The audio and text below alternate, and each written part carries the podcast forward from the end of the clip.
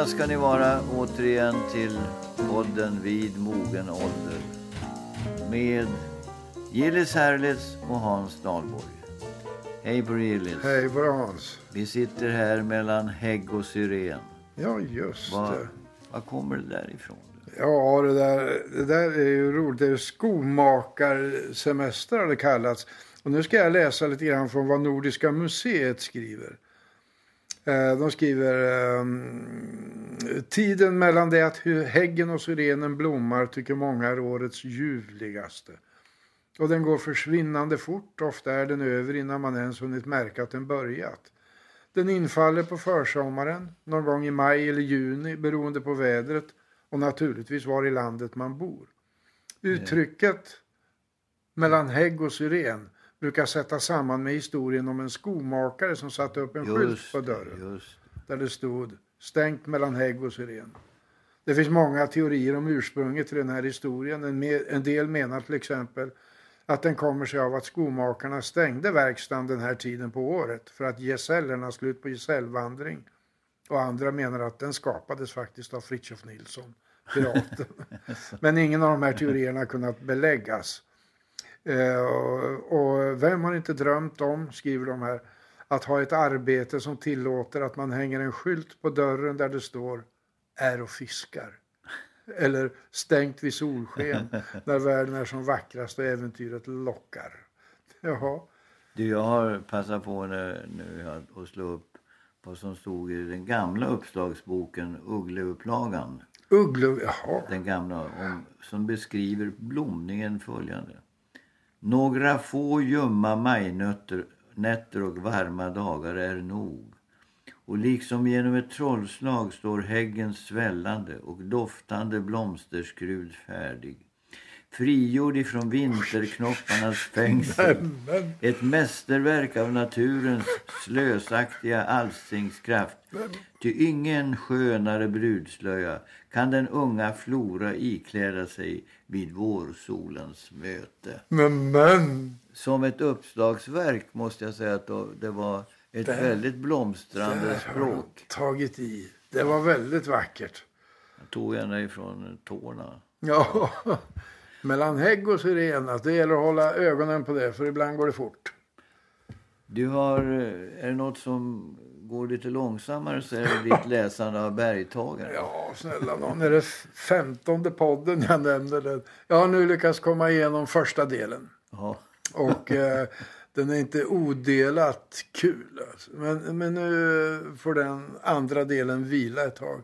Om jag överhuvudtaget kommer att ge mig i kast med En del av de här resonemangen som förs känns väldigt petimetriga, detaljrika, konstiga. Han intresserar sig oerhört mycket för anatomi ja. och, och gör stora filosofiska utläggningar om, om cellerna och plasma och att- plasma och sådär. Så, och, och jag vet Men inte. ska du fortsätta? Ja, det är alltså den gamla Va- synden. Har man påbörjat en sak ska man avsluta den. Ja, men du, du, du, du har inte ditt liv till den, Nej. till den Men jag, vi är lite fascinerade av att det här är ju den första svenska upplagan jag läser. Det finns ju många.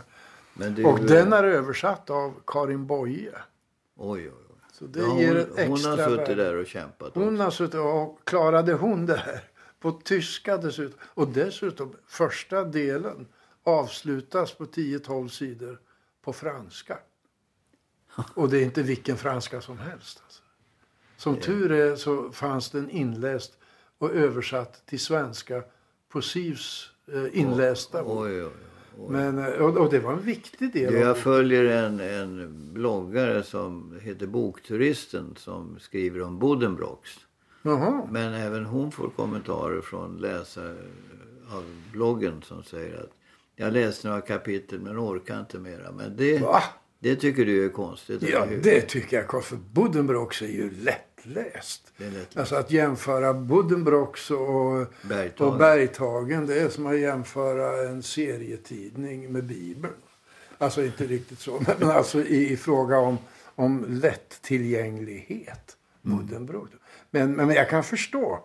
Var det Bök i Svenska Akademin som alltså vägrade? Han var noga med att framhålla att eh, Thomas Mann fick inte Nobelpriset på grund av bergtagen utan av just Buddenbrooks. Och jag kan förstå det.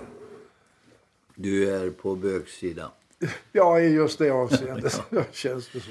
Du har läst annat också? Ja, jag sa ju redan en gång att jag skulle sticka emellan med en annan bok som jag trodde skulle vara lite lättare. Som hette eh, av Bengt Jangenfelt. Kommer du ihåg det? Just det, Vi och dem. Vi och dem, ja. Om Ryssland.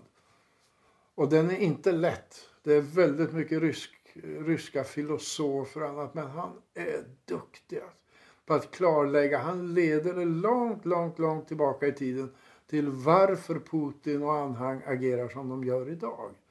Och det finns en del, exempelvis i deras egen historia. De, de skiljer sig ju från Europa. Och det har varit en stor kamp. Särskilt Dostojevskij var 1800-talet. en stor slavist. Eller Ja visst. Han var ju för, ja, han sa ju, han sa, Dostojevskij, han sa ju eh, vid något tillfälle. Eh, vi äger allt geni till europeer. Alltså. Vi äg, I Ryssland äger allt det geni som ni har. Men vi har också Det rysk. det ryska geniet. Oh, jag tackar.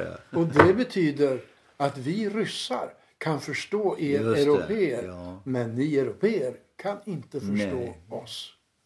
Och det ligger, alltså, jag men det, det har varit en kamp mellan att närma sig Europa eller vara sitt eget. Och de har ju någon sorts mytisk historia där som Det omfattades fanns ju av... en god kontakt mellan eh, Sankt Petersburg och Moskva å ena sidan och Paris å den andra. Ja, i, i högadeln ja. Men så annars så var den ju riktade mot den, den eh, vad ska jag säga, bysantinska kyrkans ursprung i Konstantinopel. Så Konstantinopel var viktigt för Men kyrkan var stark i Ryssland. otroligt starkt. Den ortodoxa kyrkan den är ju väldigt, väldigt konservativ. Och har betytt mycket, mycket har jag förstått av, av Bengt Jangenfelts bok för hela utvecklingen av Ryssland, hela tankegodset. Men vi har inte heller kunnat förstå den enorma klasskillnad som var, fanns i Ryssland. Det Obegriplig. Obegri- alltså, det var ju slaveri, träldom. Ja. Gorki skriver ju om detta i På botten. Och även i den här Mina universitet. Ja. Där universitetet egentligen var rännstenen. Ja. Så att... Eh, Men du ska veta också då, eller det vet du naturligtvis, men att den ortodoxa kyrkan tyckte att det här var en korrekt ordning.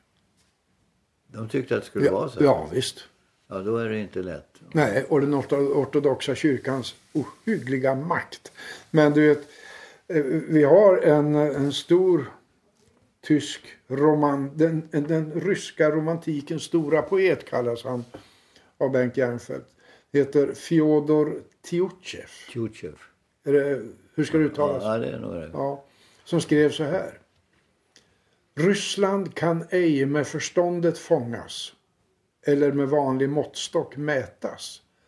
Hon har en egenartad skepnad. På Ryssland kan man bara tro.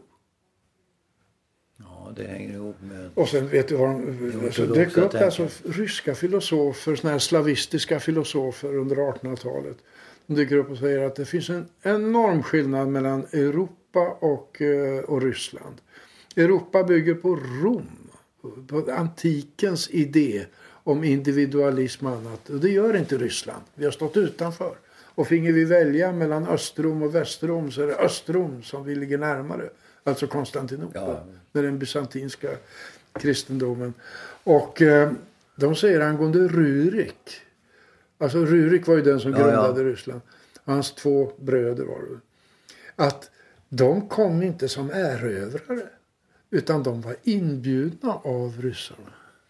Så att Ryssland är grundat på kärlek. Inte på invasion. Jag måste läsa den här boken. Det, är Ja, det här är- det låter väldigt eh, lärorikt att, att Ja, ta jag del är av det här. alldeles det här. upptagen av den där. Men det är svårt att lära sig allting eh, som... Men det måste vara, Jag vara ett gediget eh, forskningsarbete Ja, är som klart. Janfeldt har lagt Ja, ner. det är klart han har gjort det. Han är ju Rysslandskännare som tidigare. Men det här tycker jag är enastående bra. Vi och dem heter den alltså.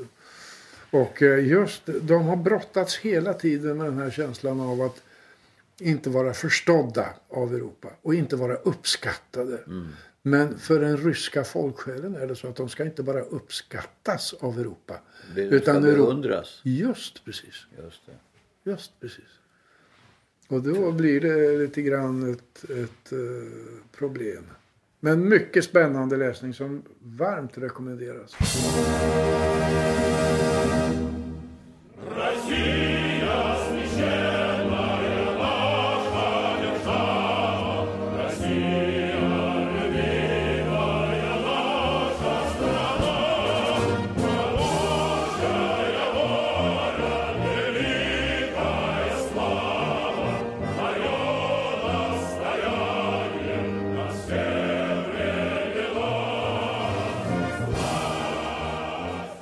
Pratar om någonting helt annat. Nämligen så, reparation. Så ska jag berätta om Jaha, hur vi förändrar ja. vårt, vårt hem här i Knivsta. Ja, Anna har ju svårt att gå i trappor så att nu har vi gjort om vårt badrum till eh, ett duschrum. Ett rejält Ja, duschrum just som ligger så jag har kastat ut badkaret här på övervåningen eller på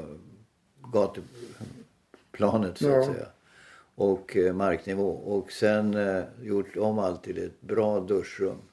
Och då passar vi på att göra lite annat. Lägga Ja, nytt eh, golv här och var. Och eh, reparera lite här och var. Trots att vi nått denna mogna ålder. Ja men det är skönt. Det är det är en sorts... Eh, Ni har köpt nya trädgårdsmöbler. Ja, det finns något sorts revol, revol- revolterande i detta. Att vi ska fortfarande tro på framtiden. Absolut. Vad roligt att Se höra. till att vi har en, en trivsam om, omgivning. Ja, det ska man göra. Man ska inte ge upp förrän det är dags. Har du, du har också råkat ut för det? Ja, visst. Nej, vi gjorde om. Vi bor ju i radhus i Uppsala och vi... Egentligen var tanken att vi skulle måla om huset och jag orkar inte stå på stegar högt upp och hålla på och donamåla. Så vi engagerade en kille för det här och då visade det sig att ja, 60-70 procent av fasaden måste bytas ut. För det var ruttet. Alltså vilket det ju blir i radhus byggda på mitten på 70-talet. Det Det var ett liva. gediget arbete som pågick förra året. Men nu plötsligt dök det upp någonting nytt. Som jag sa så är det radhus och nu har det gått ut en ukas med tanke på det vi talar om Ryssland. om att radhus måste brandsäkras. Jag tackar sjutton för det. Ja, självklart. Det vill säga så att inte elden snabbt ska kunna spridas över en hel länga. Så just nu i dagarna har vi haft folk hemma. Som bygger brandväggar. Brandväggar till grannarna. Lite grann, ja. Upp och river i taket och lägger ner och sådär. Och det känns ju skönt men sen lite sådär. Eftersom det visar sig att ja, det fördröjer eldens spridning med 30 minuter eller så. Men det kan ju vara väldigt värdefulla. ja, men de kan få fram slangarna på den tiden. Ja, exakt. Ja, jag tror att det är oerhört väsentligt. Och sen så hinner man bättre plocka till sig det man vill ha med sig. Har du tänkt på det någon gång Hans? Om det skulle börja brinna, vad ska man ta med sig? Ja, jag skulle se till att jag fick med mig Anna och Majken. Ja, så säger du det? Sen så fick det vara. ja. Det är klart att, att ett antal fotoalbum eh, kan Ja. vara intressant.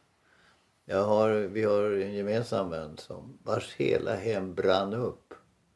I, det var nyårsafton.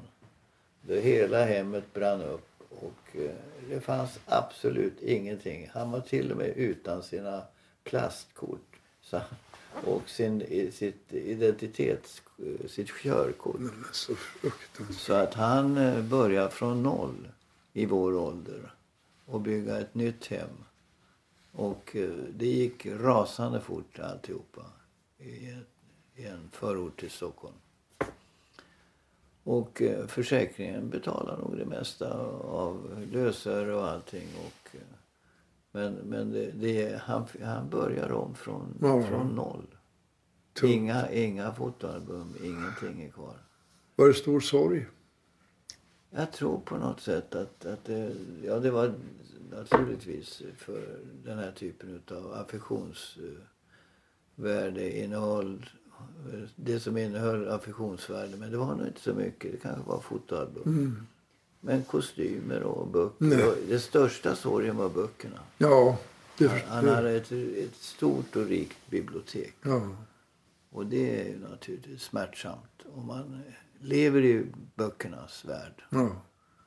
Förskräckligt. Tufft. Men, men jag tror också, eh, jag har aldrig varit med om någonting sånt här och det kan låta eh, förskräckligt.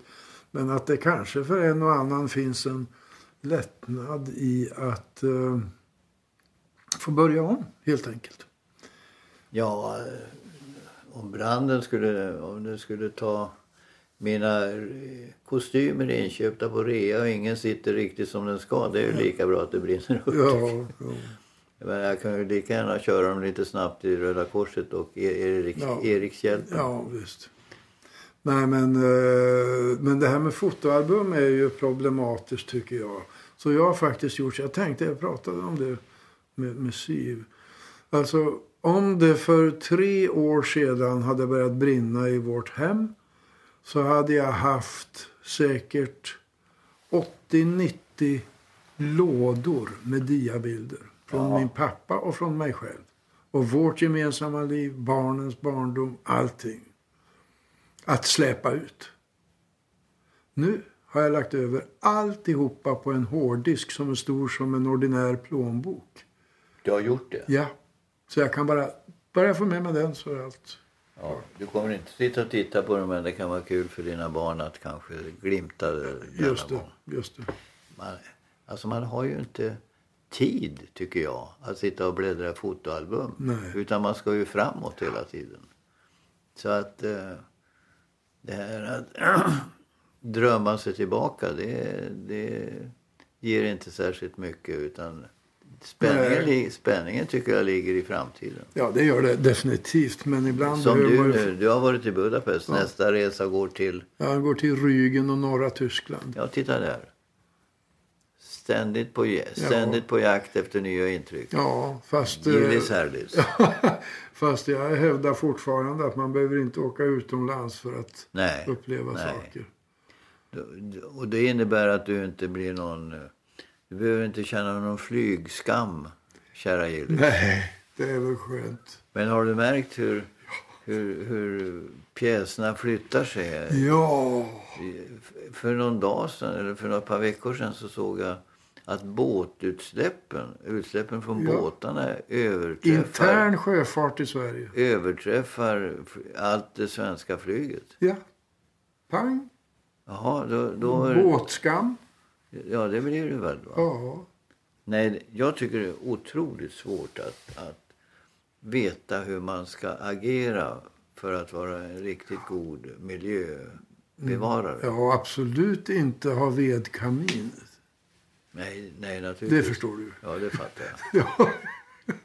Det blir väl någon sorts uppror mot... eh, Vedskam. mot ett. Ja, vedskam. Ja.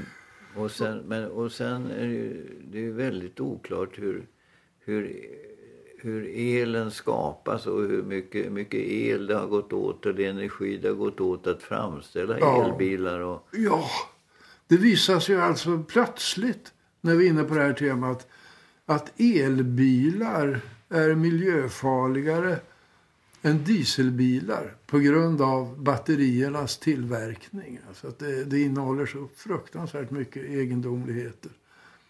Och så, Ja. det, vad, hur ska man välja? Ja, man har bara valet att eh, hålla sig rimligt ajour med vad som Ja. händer och försöka anpassa sig. Sen visar det sig att man gör fel. Ja, Ja, som jag som köpte en dieselbil Ja. på rekommendation av för att jag skulle vara miljövänlig. Och, eh, och man ser de här elcyklarna som skräpar ner Stockholm och numera också. med de här sparkcyklarna. Ja. ja. Har ni det i Uppsala? Jajamän. De hänger, ligger lite här och var. Ja, och jag, för, jag förstår inte systemet bakom det. Lånar man dem? Hyr man dem? Man hyr dem via en app. Och, förstås. Och sen så lämnar man den. Man någonstans. lämnar den där när elen tar slut eh, det, efter 30 minuter. Så ställer man den Ja. där man råkar vara. Eller? Ja, du kan naturligtvis eh, ladda om. Eller så Ja. ställer du den där, du var, där du, den stannar och så går du. Och det där blir ju väldigt nedskräpande i storstadsmiljö. Fullkomligt obegripligt. Ja, och så om det dessutom, det har vi varit inne på för I våra kvarter så var det en kille som han kom med en bil dubbelparkerad och så sprang han med sin mobiltelefon i handen. Och så plockade han upp elcyklar. Så han hade väl en app som, Ja, ja, som hade identifierat var de där låg någonstans. Och sen så in i, i bilen. Och där sen till något uppställningsområde för de här elcyklarna. Men det är ju så konstigt det här. Jag är uppvuxen med, och, och det har ju eh, upprepats under senare årtionden, låt ett tomt rum vara ett mörkt rum. Det vill säga låt inte lampor brinna i onödan. Man ska spara på elen. Ja, absolut. Det anses ju vara miljötänkande. Men samtidigt så produceras ju fler och fler saker som ska gå på el. Och sen har vi den här diskussionen om, om, om kärnkraften. Och då vill ju vissa partier byta det här mot förnybar energi som det har hetat. Som då är sol och eh, vind. Och vatten. Och vatten förstås. Sol, vind och vatten. Ja, just det. En låt som heter Ja, absolut. Ja, och byta det mot fossilfritt. Och då inkluderas kärnkraften. Ja, alltså det, det, en stor del av den el som produceras till exempel i Tyskland kommer ju från kolet, Mm, brunkol. brunkol. Så att eh, el är ingen garanti för att, att det är alldeles miljövänligt. Utan man måste veta hur elen framställs. Ja. Så- Och det här är, du, du sa så klokt som vanligt. Det enda man kan göra det är att hålla sig ajour med, med, med eh, resonemangen. Men problemet är att ju mer ajour du håller dig, desto mer problematiskt och komplext blir det. Då får du tänka. Aj, där smög det sig.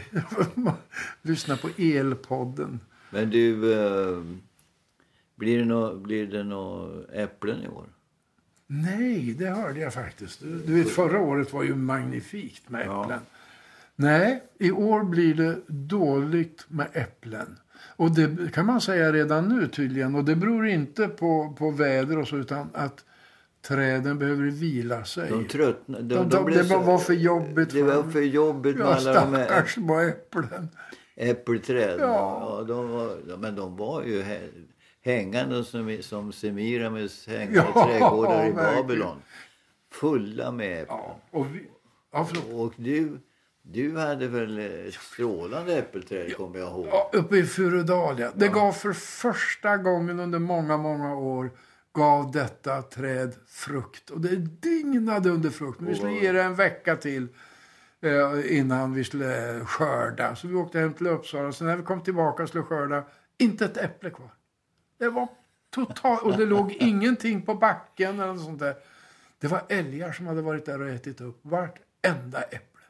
Ja, men älgen är ju ett väldigt eh, Trevligt djur. Trevligt och populärt djur. Det har vi sett på tv nu Ja, med älgvandring. Har, ja. har du tittat på det? Nej, jag orkar inte riktigt. Nej, alltså det var för långsamt. Ja, nej, men jag har startat en förening, Älghatarnas förening. Nej, det har jag naturligtvis. Äppel, äppelknyckarnas eh, motståndare. Ja, ja. Ja, så det, älgen tog allt. Allt. fanns ingenting kvar. Och annars kan man tänka sig att det hade ramlat ner och mosats och blivit ruttet. Mm. Ingenting på backen heller. Han var konsekvent, eller hon. Ja, verkligen. Jag vet inte hur det äter rådjur också, äpplen. Ja. Gör de det? Ja, ja. Ja, de äter ju ja, allt möjligt. ja. Ja, ja, ja. När ska du åka till Furudal då? Ja, det blir eh, till eh, midsommar. Vi ska till Gotland. Först ska vi på den här resan till norra Tyskland och sen åker vi till Gotland. Vi har en liten fiskebod där som vi är väldigt förtjusta i. Och den har ingen el, inget vatten och sånt där. Det finns en pump i läget men eh, men ja, jag älskar det stället. Det ligger... Var fem- ligger det någonstans? Ja, det ligger norr om Visby. Eh, en och en halv mil ungefär norr om Visby i eh, Lummelunda socken. Men du Eh, har varit mycket på Gotland? Ja, Eller hela min släkt på pappas sida kommer från Gotland. Jaha. Det finns till och med en gata i Klintehamn som heter Härlighetsgatan. Det är en liten bakgata. Det är där du vandrar Hjällbo. fra- där Där, går du- går jag fram och tillbaka och säger det är min gata. Ja, eller, eller hälsa på så. Ja, god, god dag. Vad heter ni? Min, jag heter Johansson. Ja, här är det härligt. Ja, just det. Nej, men så att, jo, Gotland, jag, jag har ju guidat många år på Gotland också. Men du var på Gotska Sandön? Nej, på Stora Karlsö. Jag var guide och tillsyningsman där i sammanlagt sju år. Och det var, När blev du så oerhört fågelintresserad? Ja, det var i samband med det. In, du var inte hemma i Linköping? Nej, inte ett smack. Inte en gråsparv? Nej, nej, nej, nej, nej, nej. Jag var intresserad men inte ett dugg i den där urbana miljön för fåglar. Men så var jag på Gotland och är man på Gotland då är det mycket sjöfågel. Vi var ju där varenda sommar. Och eh, så började jag guida och sen upptäckte jag att eh, då guidade jag också ut till Stora Karlsö. Men på Stora Karlsö fick speciella guider ta över bland fåglarna. Och då gick jag ju naturligtvis med mina grupper som jag hade med mig från Visby. Och lyssnade och lärde och blev mer och mer intresserad i fåglarnas komplexa liv och artrikedomen och så.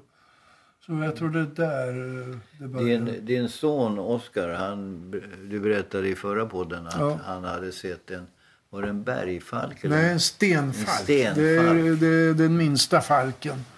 Det, den är ganska unik den. Ja, ja, den är ju inte... Alltså falkar är ju inte vanliga. De här, Pilgrimsfalk fanns det en som kom he, hem till oss, eller i berget in till oss i, I Dalarna. I Dalarna, ja. varje sommar. ja. De har ju faktiskt börjat komma tillbaka Mm. nu och de söker sig mer och mer in till bebodda trakter.